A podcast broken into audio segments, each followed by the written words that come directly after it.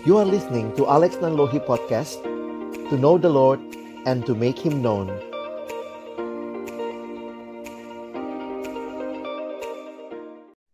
Bapa di dalam surga, kami akan membuka firman-Mu. Kami mohon ya Tuhan, bukalah juga hati kami. Jadikanlah hati kami seperti tanah yang baik, supaya ketika benih firman Tuhan ditaburkan boleh sungguh-sungguh berakar, bertumbuh, dan juga berbuah nyata di dalam kehidupan kami. Berkati baik hambamu yang menyampaikan firman, setiap kami yang mendengar, Tuhan tolonglah kami semua, agar kami bukan hanya menjadi pendengar-pendengar firman yang setia, tapi mampukan kami dengan kuasa, dengan pertolongan dari rohmu yang kudus, kami dimampukan menjadi pelaku-pelaku firman-Mu di dalam kehidupan kami, di dalam masa muda kami. Bersabdalah ya Tuhan, kami umatmu sedia mendengarnya.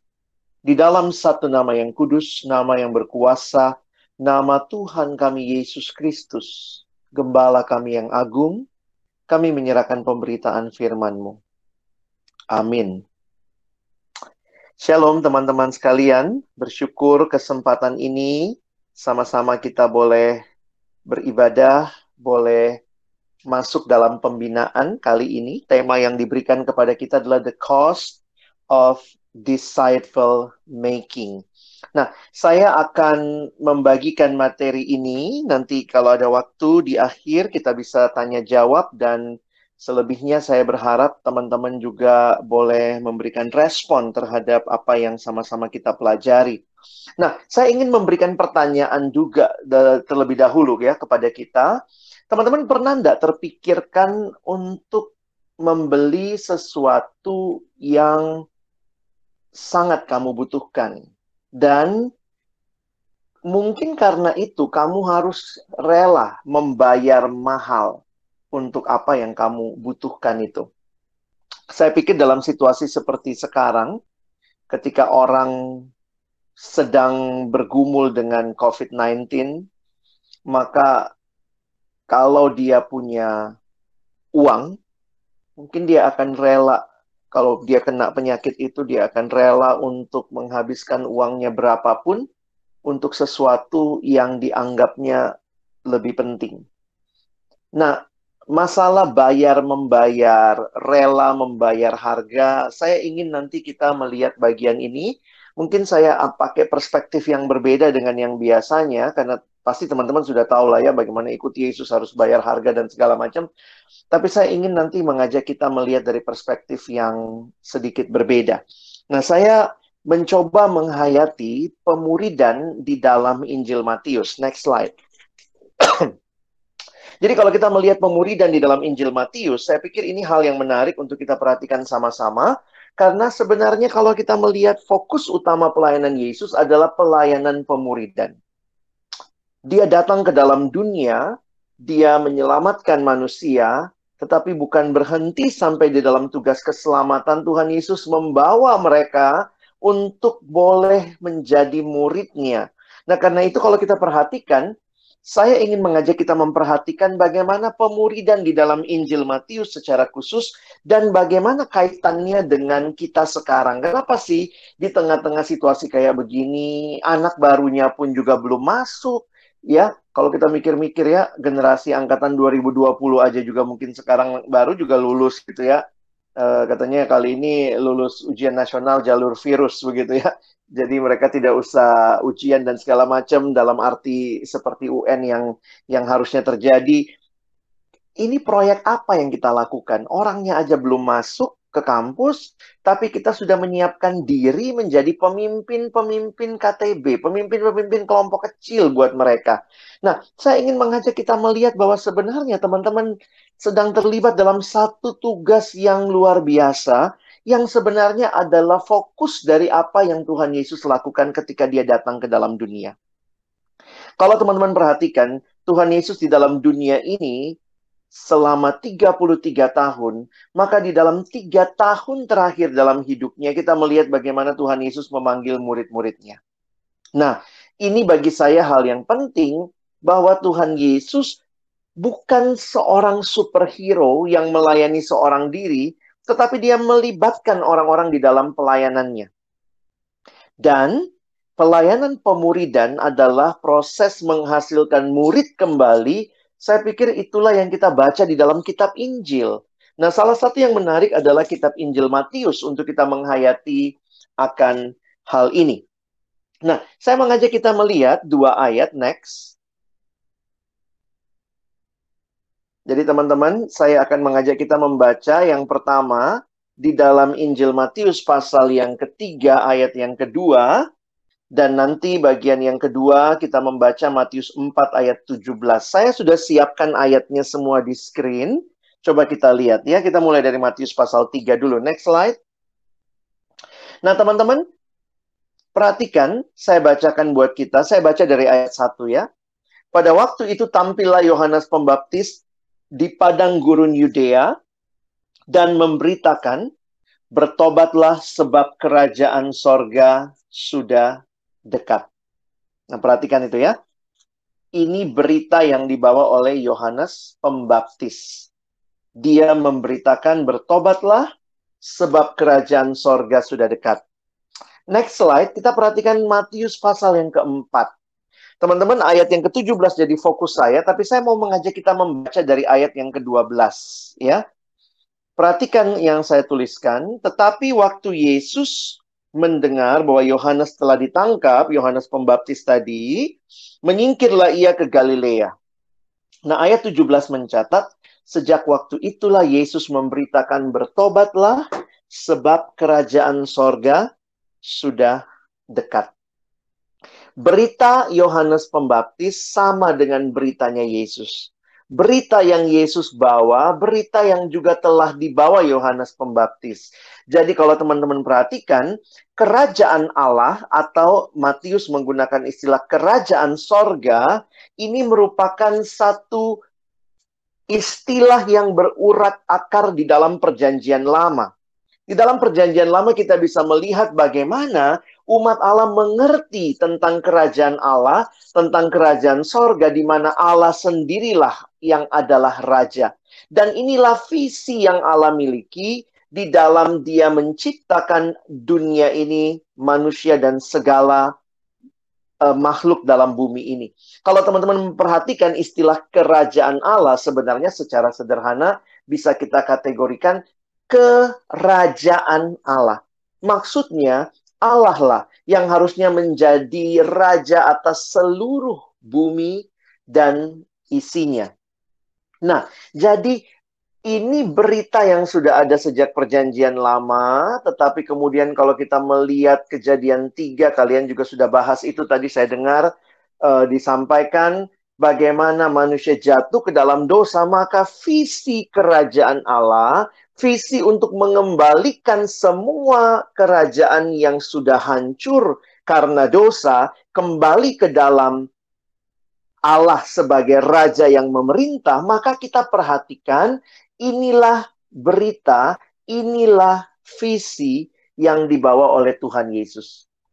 Jadi Tuhan Yesus tidak membawa visi yang sama sekali baru. Tuhan Yesus membawa visi yang berurat akar di dalam perjanjian lama bahwa kembalikanlah Allah sebagai satu-satunya raja atas segala sesuatu.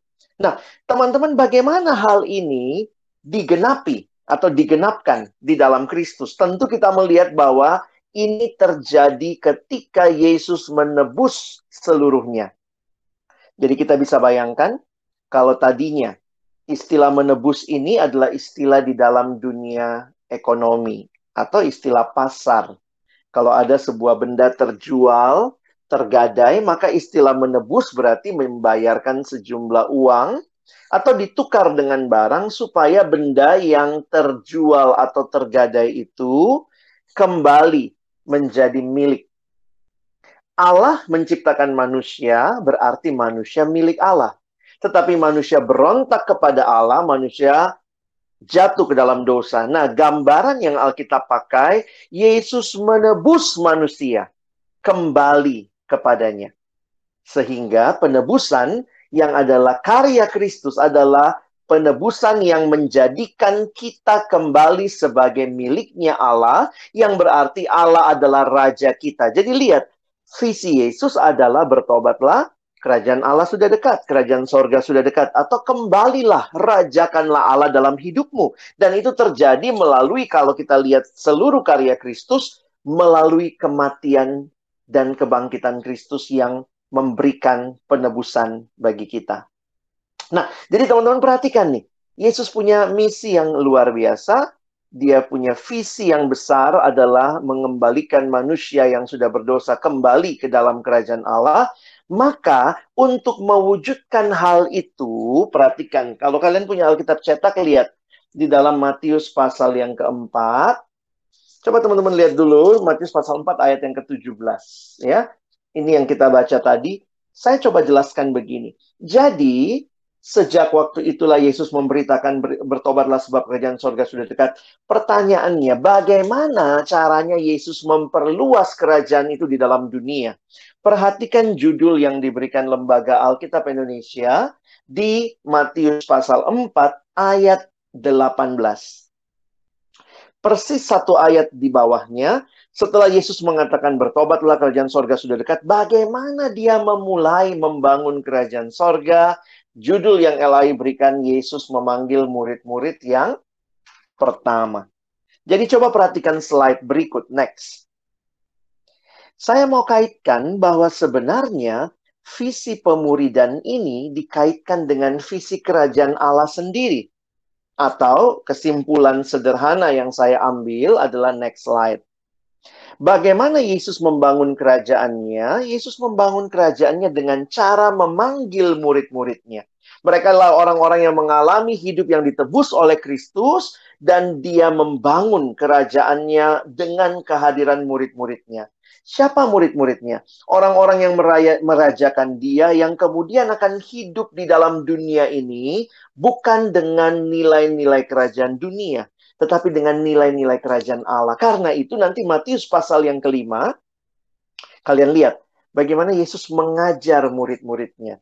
Kalau kamu muridku, kamu mesti beda dengan dunia.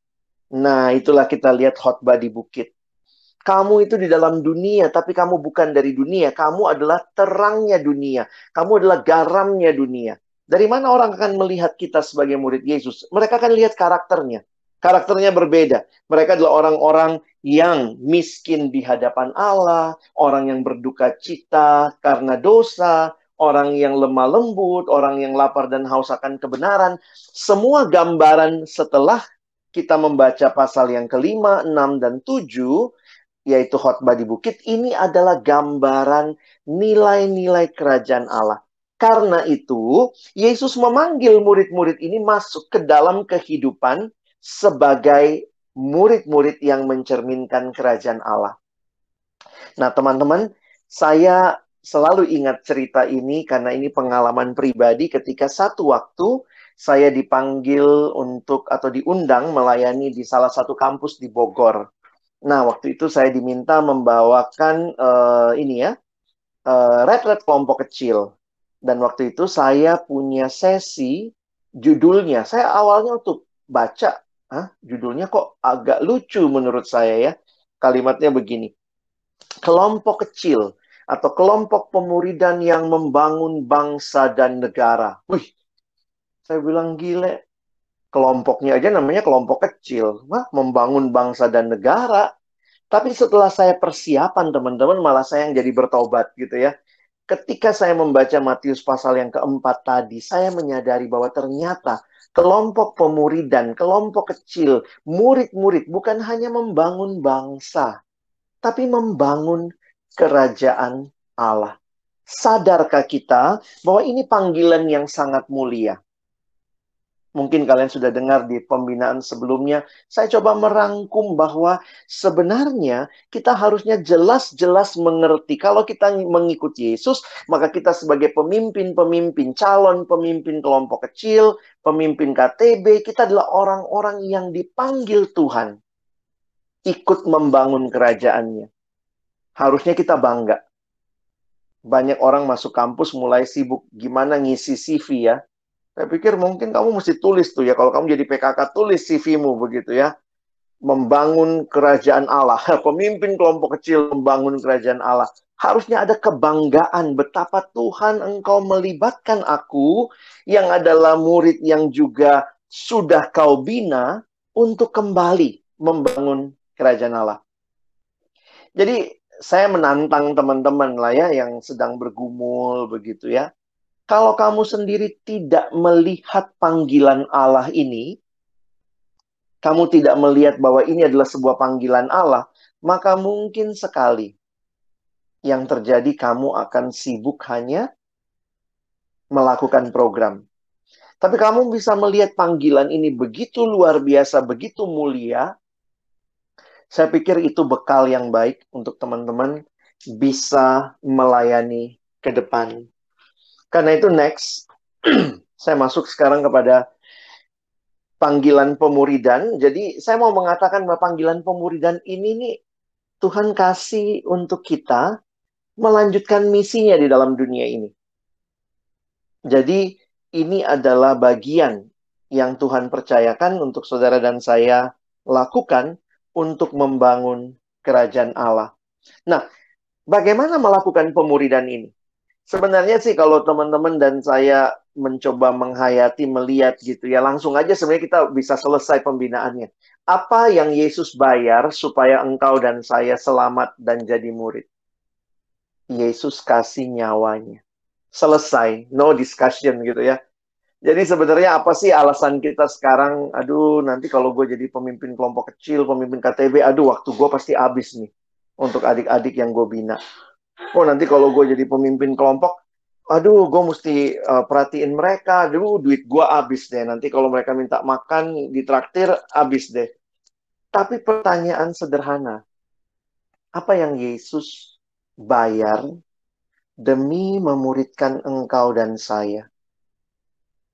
Saya pikir yang jelas dinyatakan di Alkitab yang Yesus berikan adalah nyawanya. Dan ini seharusnya membawa kita dalam perenungan seperti apa kita memaknai panggilan pemuridan. Ini bukan cuma programnya tim regenerasi PKK gitu ya. Ini bukan cuma programnya FMIPA UI, Farmasi UI. Ini program Allah. Membangun kerajaannya, engkau dilibatin. Dan waktu Tuhan melibatkan, dia kasih teladan. Lihat saya, apa yang saya lakukan supaya orang kenal kebenaran. Apa yang aku lakukan supaya orang merajakan Allah dalam hidup mereka. Yesus memberikan nyawanya. Karena itu saya mengutip kalimat dari Billy Graham. Next. Billy Graham mengatakan salvation is free. But discipleship cost everything we have. Saya pikir sangat dalam begitu ya pemahaman ini. Nah, tapi saya nggak kemudian sekarang mau bicara harganya bagaimana ya. Saya mau mau tahan dulu istilahnya begini. Tapi saya balik ke pertanyaan awal saya tadi. Kenapa orang rela bayar mahal untuk sesuatu?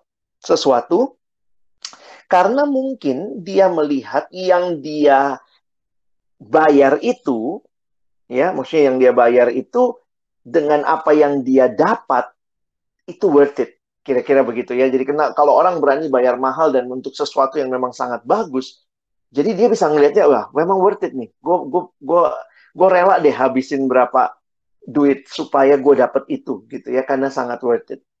Nah, saya mau mulai dengan pertanyaan ini buat kita. Jadi sebelum kita bicara bayar harga, kan teman-teman pasti mulai mikir, gue mesti bayar harga apa ya?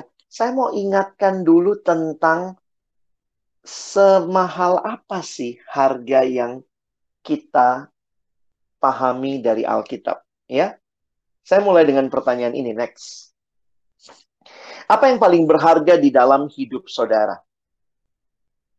Dan dari pertanyaan ini saya katakan tadi mungkin ketika teman-teman apa ya melihat itu berharga apa pun itu kalian bisa rela bayar mahal untuk dapatkan itu. Nah, orang melihat kuliah di luar negeri misalnya wah mahal semahal apa pun mungkin kalau orang tua dia punya kemampuan dia akan usahakan pokoknya dia bayar yang mahal begitu ya. Nah saya mau mengangkat tiga nilai. Jadi saya mau mengatakan begini. Kalau kamu nggak pernah sadar betapa bernilainya yang kamu sedang kerjakan, jangan bicara bayar harga. Kalau kamu melihat yang kamu sedang kerjakan, pemuridan itu yang kita kerjakan di kampus itu nilainya rendah, ya jangan haraplah kamu akan bayar mahal buat itu. Tetapi kalau kamu ngerti itu sangat berharga, maka kamu akan mati-matian. Kira-kira begitu ya uh, tesis saya. Karena itu saya mau mengangkat tiga nilai pada sore hari ini. Yang pertama, next.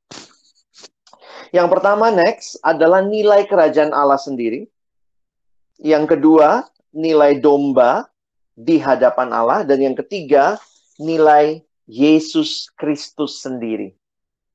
Nah, coba sama-sama kita masuk dalam perenungan ini untuk kita memahami ya. Saya mengajak kita mulai dengan yang pertama, next nilai kerajaan Allah. Nah, saya mengajak kita membuka next lagi. Kita akan melihat Matius 13 ayat 44 sampai 46. Kita akan lihat tiga ayat ini. Next. Kita akan lihat aja, ada ayatnya saya sudah tuliskan. Hal kerajaan sorga itu seumpama harta yang terpendam di ladang, yang ditemukan orang lalu dipendamkannya lagi. Oleh sebab sukacitanya pergilah ia menjual seluruh miliknya, lalu membeli ladang itu.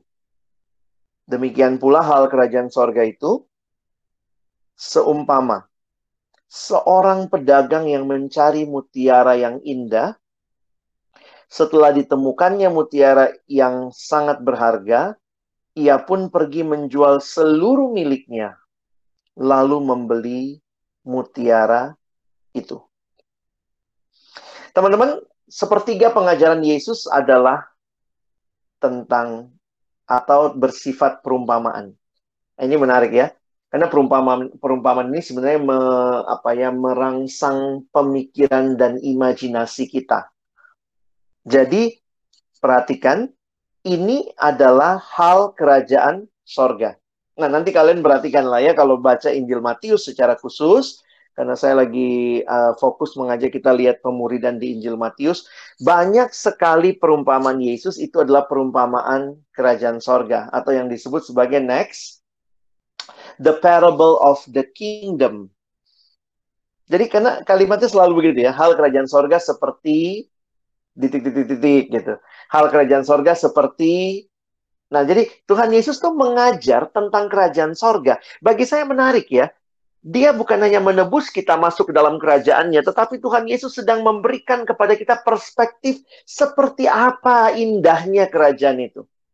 Dan itu yang dia gambarkan di banyak perumpamaan. Karena itu kalau kalian perhatikan, khususnya dalam uh, yang disebut dengan the parable of the kingdom, nanti teman-teman bisa lihat ya, banyak sekali. Uh, misalnya lah Matius, ini kan kadang-kadang kita pikir, Matius 24 itu tentang apa? Coba lihat sebentar ya, Matius 25 maksud saya. Kalau teman-teman lihat Matius 25 ayat yang ke-14. Matius 25 ayat yang ke-14, kalau orang ditanya, ini tentang apa? Langsung jawabnya karena lihat judulnya, oh perumpamaan tentang talenta. Tapi kalau kalian baca je dengan jelas, coba lihat ya, ayat yang ke-14. Sebab hal kerajaan sorga sama seperti, jadi Yesus lagi cerita apa? Kerajaan sorga. Nah, jadi teman-teman bisa bisa nangkep ya bahwa banyak perumpamaan Yesus itu dimulai dengan hal kerajaan sorga seumpama. Jadi Yesus sedang memberikan gambaran seperti apa kerajaan sorga itu. Nah, teman-teman, next, perhatikan. Nanti ini ini tips aja ya. Kalau kalian membaca parable, khususnya parable of the kingdom, perumpamaan kerajaan, perhatikan selalu itu biasanya muncul dua kemungkinan yang pertama, parable itu sedang menjelaskan the king. Rajanya kira-kira seperti apa? Kan bicara the kingdom of God. Sometimes it speaks about the king. But at other times it also speak about next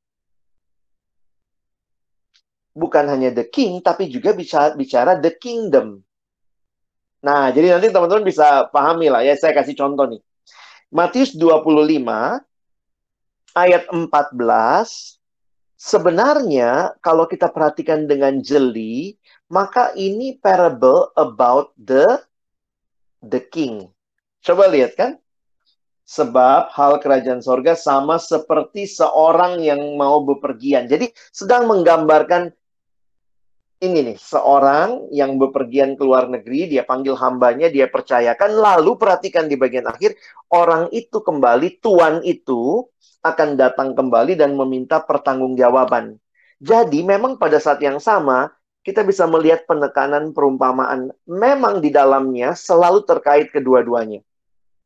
Sometimes it talks about the king and also the kingdom, and uh, ini jadi satu relasi yang kuat The King misalnya dari dari talenta ini yang kita pelajari apa?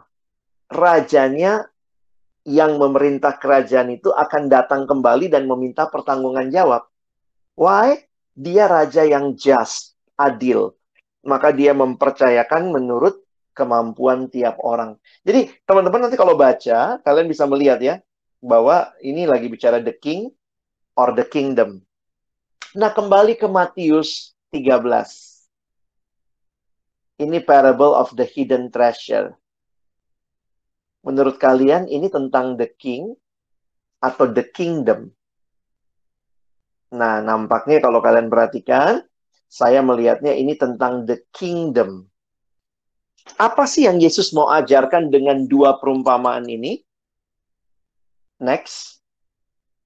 Di dalam terjemahan bahasa Inggris digunakan istilah the parable of the hidden treasure dan the hidden pearl. Jadi mutiara ya, hidden treasure and hidden pearl. Apa sih yang mau disampaikan? Sebenarnya mau menggambarkan betapa indahnya, betapa berharganya, bahkan sangat luar biasa harganya kerajaan itu. Nah, lihat kalimat saya berikutnya. Next. Menemukan kerajaan surga digambarkan Yesus seperti menemukan harta terpendam di ladang. Dan digambarkan seperti mutiara yang indah yang tidak ternilai. Next. Mengenal Yesus dan keselamatannya jauh lebih bernilai dibanding apa pun di dunia ini dan layak didapatkan berapapun harga yang harus dibayar.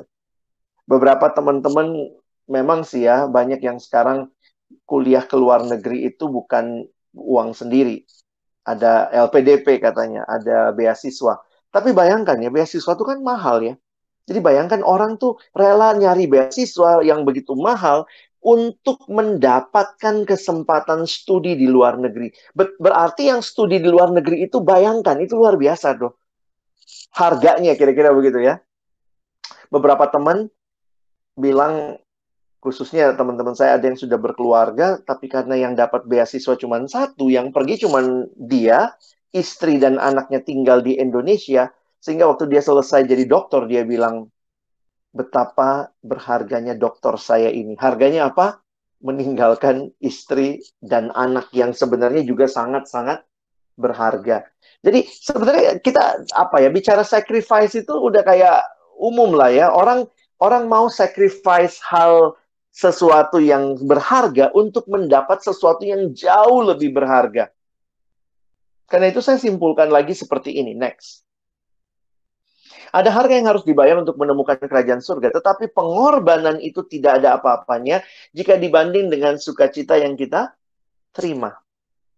Teman-teman, membangun kerajaan Allah dengan cara membangun murid dengan cara kalian disiapkan nih dalam konteks kita ya, disiapkan menjadi pemimpin, calon pemimpin kelompok kecil, pemimpin KTB bagi generasi adik-adik tahun 2020.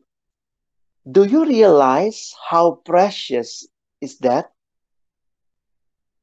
Kalau kamu tidak melihat ini sangat berharga, maaf, saya nggak bisa sampaikan apa-apa di sesi ini. Kalau karena sesi kita bicara the cost of disciple making. Why you need to pay the cost? Because the the kingdom of God is far more greater than the treasure that anyone can give in this world. luar biasa yang namanya keindahan kerajaan Allah itu. Kehidupan yang kekal. Sekarang aja orang bertahan supaya bisa hidup. Tetapi kalaupun misalnya he survive or she survive this COVID-19, habis dia survive, apakah dia nggak bisa mati? Tetap orang bisa mati. Karena itu saya makin melihat pentingnya Injil diberitakan. Pentingnya dari generasi ke generasi melihat betapa berharganya kerajaan Allah. Betapa berharganya orang perlu dimuridkan. Dan karena itu kamu menyerahkan diri.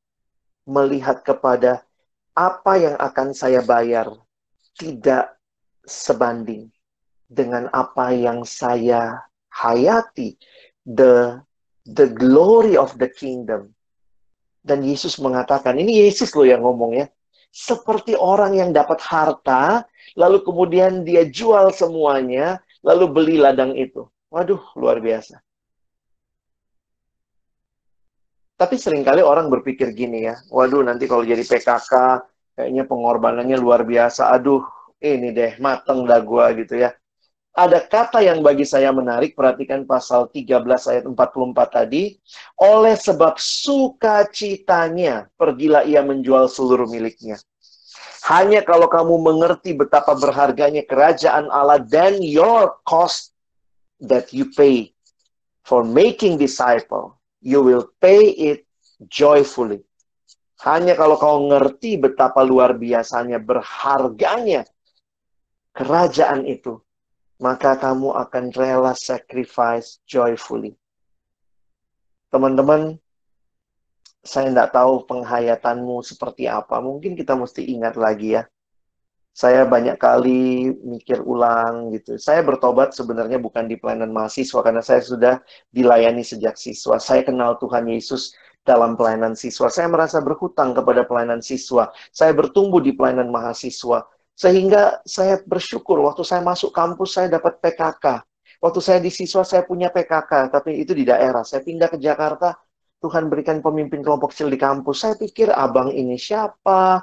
Dia bukan orang yang ya saudara bukan. Dia dari fakultas yang berbeda. Dulu waktu itu saya di FISIP tidak punya pemimpin kelompok kecil cowok yang cukup waktu itu. Saya dicarikan pemimpin kelompok kecil dari teknik UI. Pemimpin saya datang setiap Jumat uh, sorry, setiap minggu maksud saya, datang ke visit kami kelompok kecil, saya mikir, why? Apa sih yang dia lihat begitu ya? Apa sih yang abang ini lakukan begitu?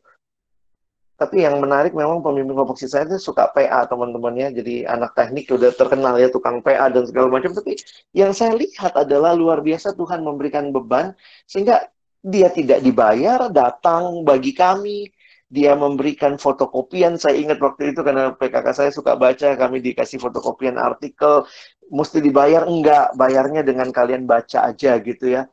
Beberapa kali saya sangat terharu melihat apa sih yang begitu berharga.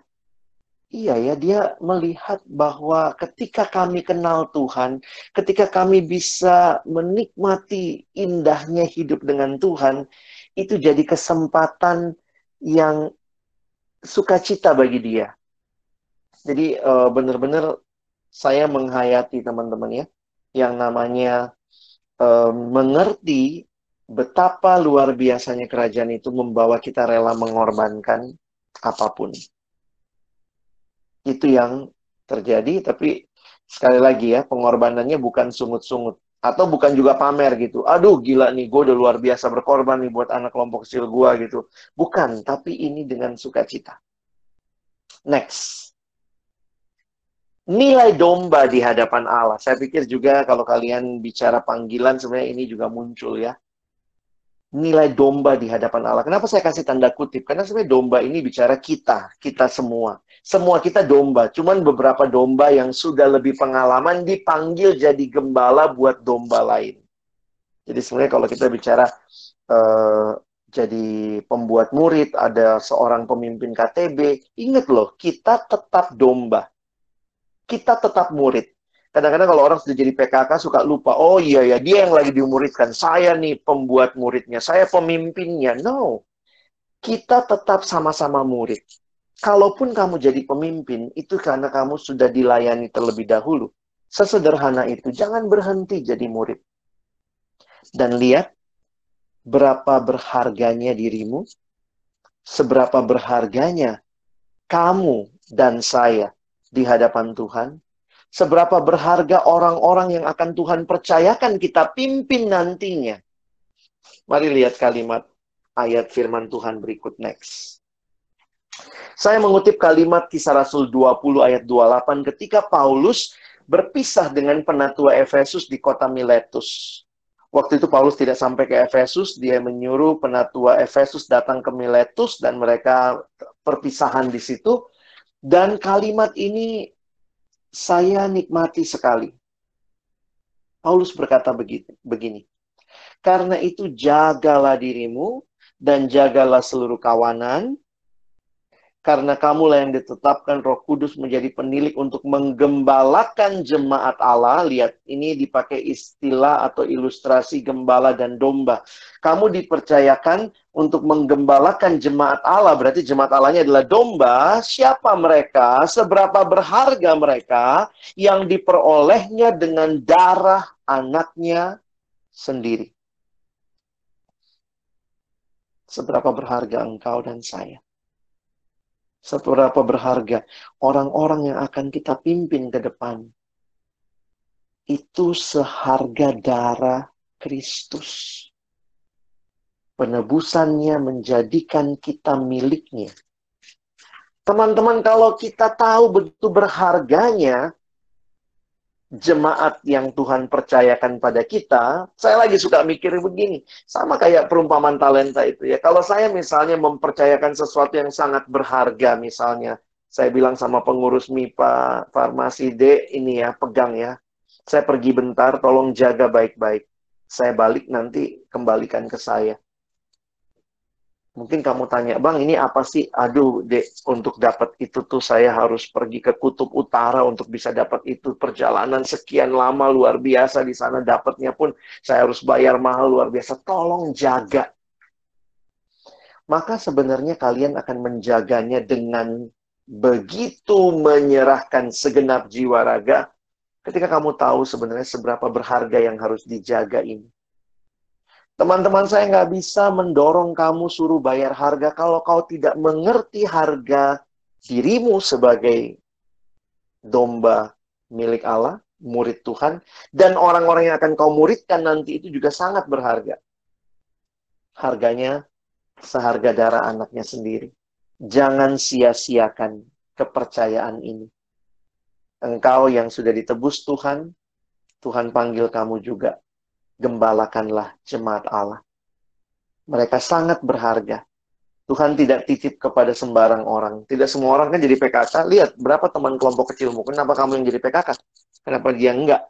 Saya pikir sih lewat pergumulan mungkin Tuhan sudah menolong tim regenerasi melihat bahwa iya ya ini orang-orang yang diberikan kesempatan. Maka Tuhan sedang memanggilmu. Maukah engkau bayar harga? Domba itu hewan yang bodoh, domba hewan yang rabun. Saya pernah jelaskan waktu kita bahas penggembalaan di semester lalu. Saya nggak tahu apakah audiensnya sama, kalian juga mendengar. Tapi saya ketika menggali tentang domba, saya makin menyadari domba itu tuh mungkin paling sederhananya begini. Kita doing many things, suffer buat dia, berkorban buat dia, mungkin dombanya nggak akan say thanks.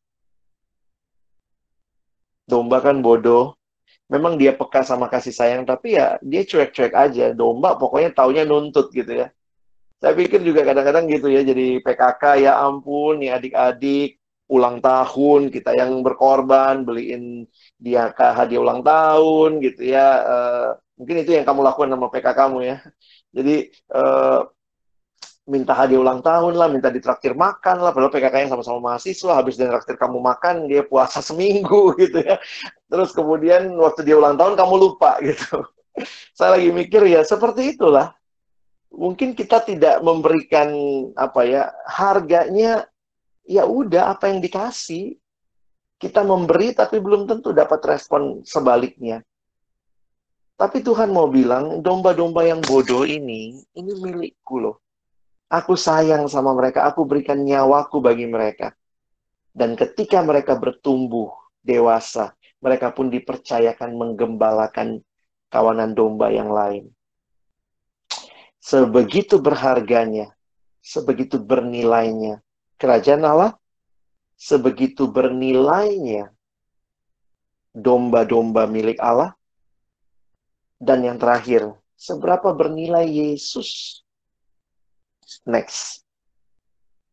Saya ini saya dari tadi cari kalimatnya cuman memang agak susah ya, mungkin biar sama aja. Jadi seberapa bernilainya Yesus Kristus.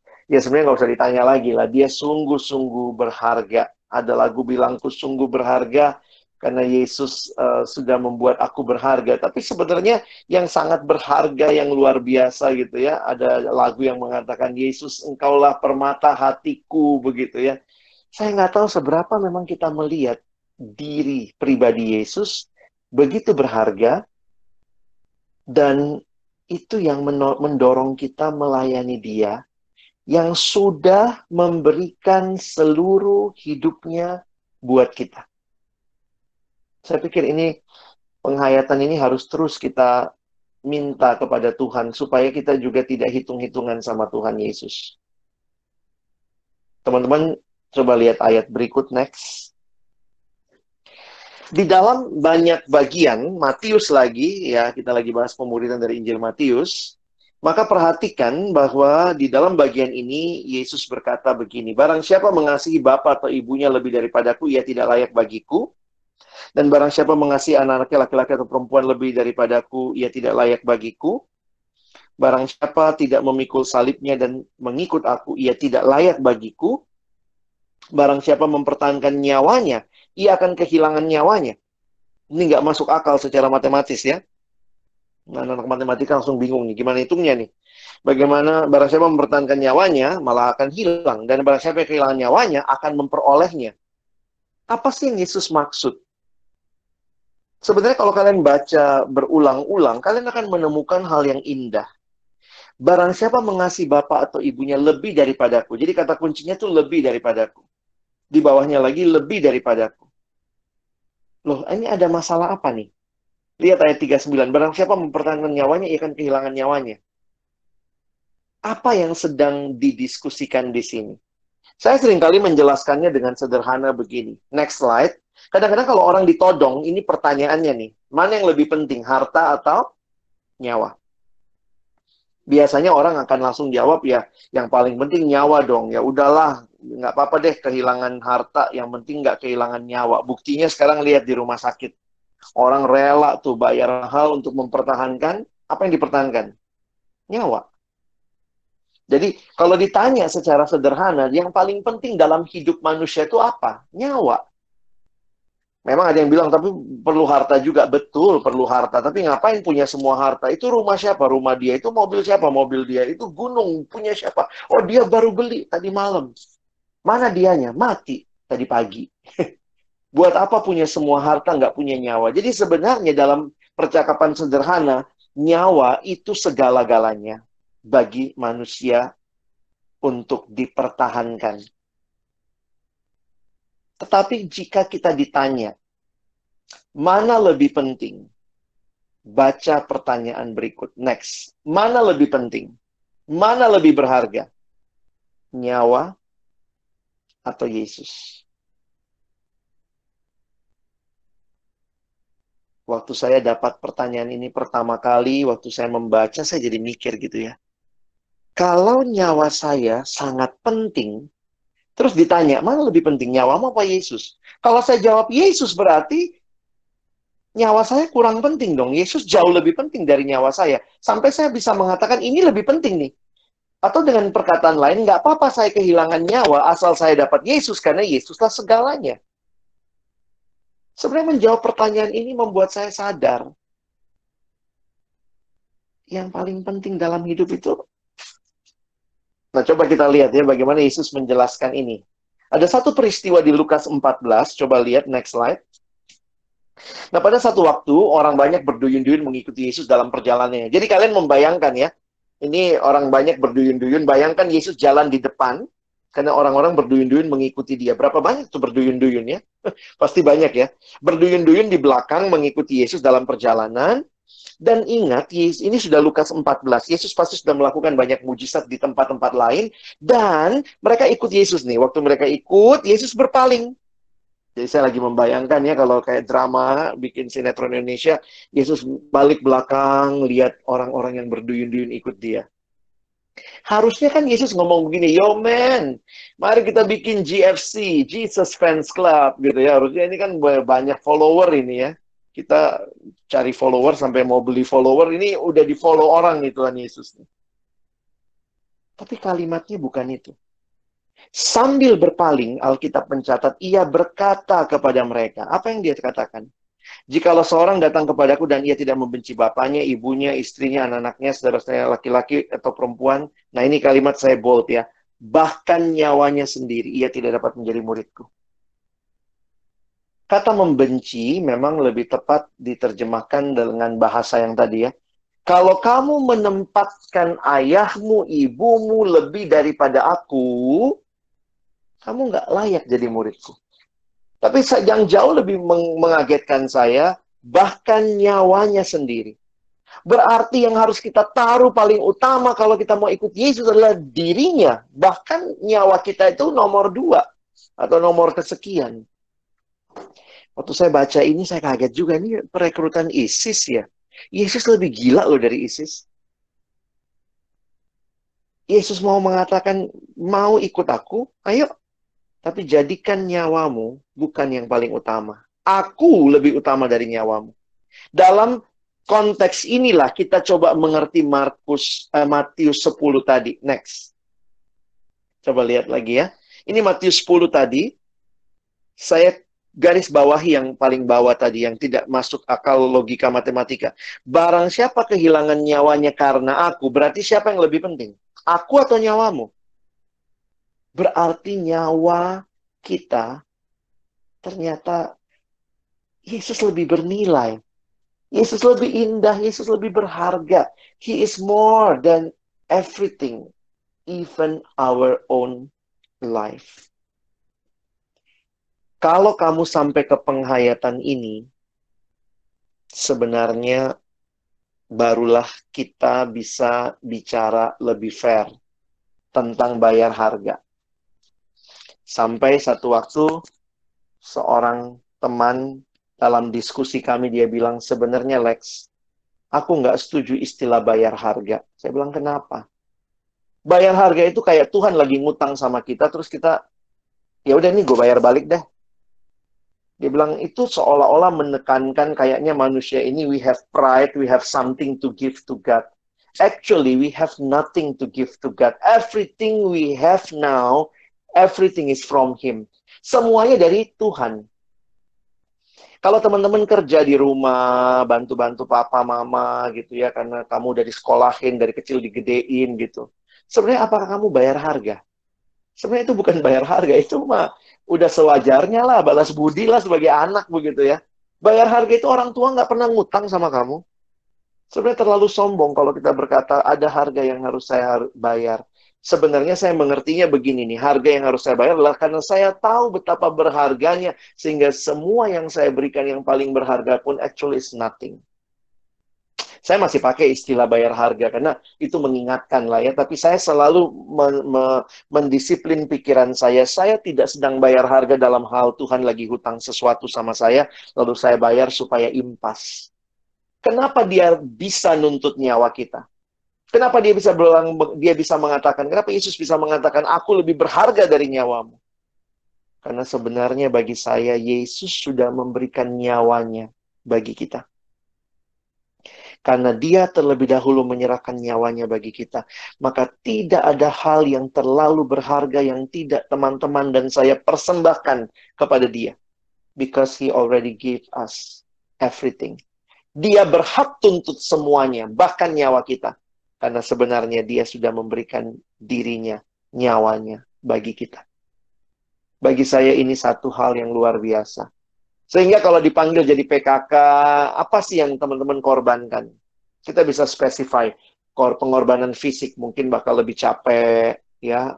Yang farmasi pulang-pulang lab, masih mesti kelompok kecil lagi, nggak tahu nih percobaan nih jadi apa kagak gitu ya mungkin kita berpikir, aduh, gue bakal capek nih secara fisik. Sisi yang lain ada yang mikir, wah, gue bakal habis nih secara materi, duit bakal habis nih. Mungkin ada lagi yang mikir, oh, bakal habis perasaan nih. Jadi bayar harga tuh bisa macam-macam ya, bayar harga fisik, tenaga, bayar harga emosional bisa, bayar harga materi, uang bisa.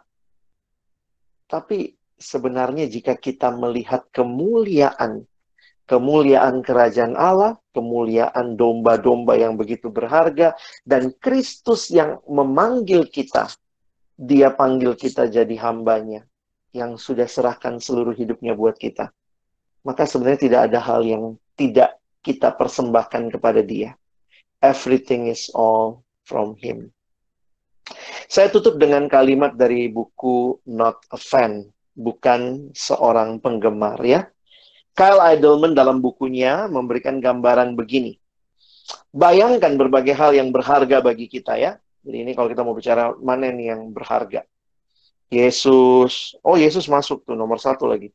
Keluarga, pacar, sahabat, pelayanan, studi, pekerjaan. Bayangkan semua hal yang berharga ini lagi perlombaan lari nih sedang ada di garis start lomba lari untuk merebut tahta hati kita. Maka dia tanya, Yesus mau jadi nomor berapa? Lalu dia jawab, dan kalimat ini bagi saya mengagetkan. Yesus ternyata nggak mau jadi nomor satu. Next. Yesus tidak mau menjadi nomor satu dalam juara lomba tersebut karena dia mau hanya dia satu-satunya pelari dalam perlombaan itu. Tidak boleh ada persaingan antara relasi kita dengannya dengan relasi yang lain. Apa yang dimaksud? Next. Bagi saya, nah ini Kyle Adelman ya, ini mukanya ya. Yesus tidak mau jadi nomor satu, dia mau jadi satu-satunya. Karena memang dia yang segalanya. Dia sudah berikan segalanya buat kita maka dia minta kita pun mempersembahkan segalanya. Biarlah teman-teman ketika kamu akan memulai memimpin kelompok kecil, kelompok KTB, apalah namanya ya yang kalian akan dipanggil masuk dalam pemuridan, kalian sadar betul betapa mulianya sehingga the cost the cost ini akhirnya jadi ringan. The cost ini apa harganya jadi tidak kita lakukan dengan sungut-sungut, tapi dengan sukacita dan bahkan dengan penuh ungkapan syukur kita berkata Tuhan terima kasih karena engkau mau pakai saya untuk jadi berkat bagi sesama. Kiranya perenungan ini membukakan pemahaman kita, maka hati kita untuk belajar memberikan yang terbaik. Pemuridan butuh harga yang dibayar. Tidak mungkin tanpa waktu. Kita mesti kasih waktu. Tidak mungkin tanpa pengorbanan tenaga. Mungkin teman-teman harus persiapan, baca buku. Tidak mungkin tanpa hal-hal yang lain, pengorbanan-pengorbanan yang lain. Tapi ketika kita melihat ini berharga, kalau kuliahmu begitu berharga, ini 4 SKS bang, ini 6 SKS bang, aku pokoknya mesti dapat nilai bagus, bahkan begadang, pinjam catatan teman, berjuang begitu rupa supaya dapat nilai the best.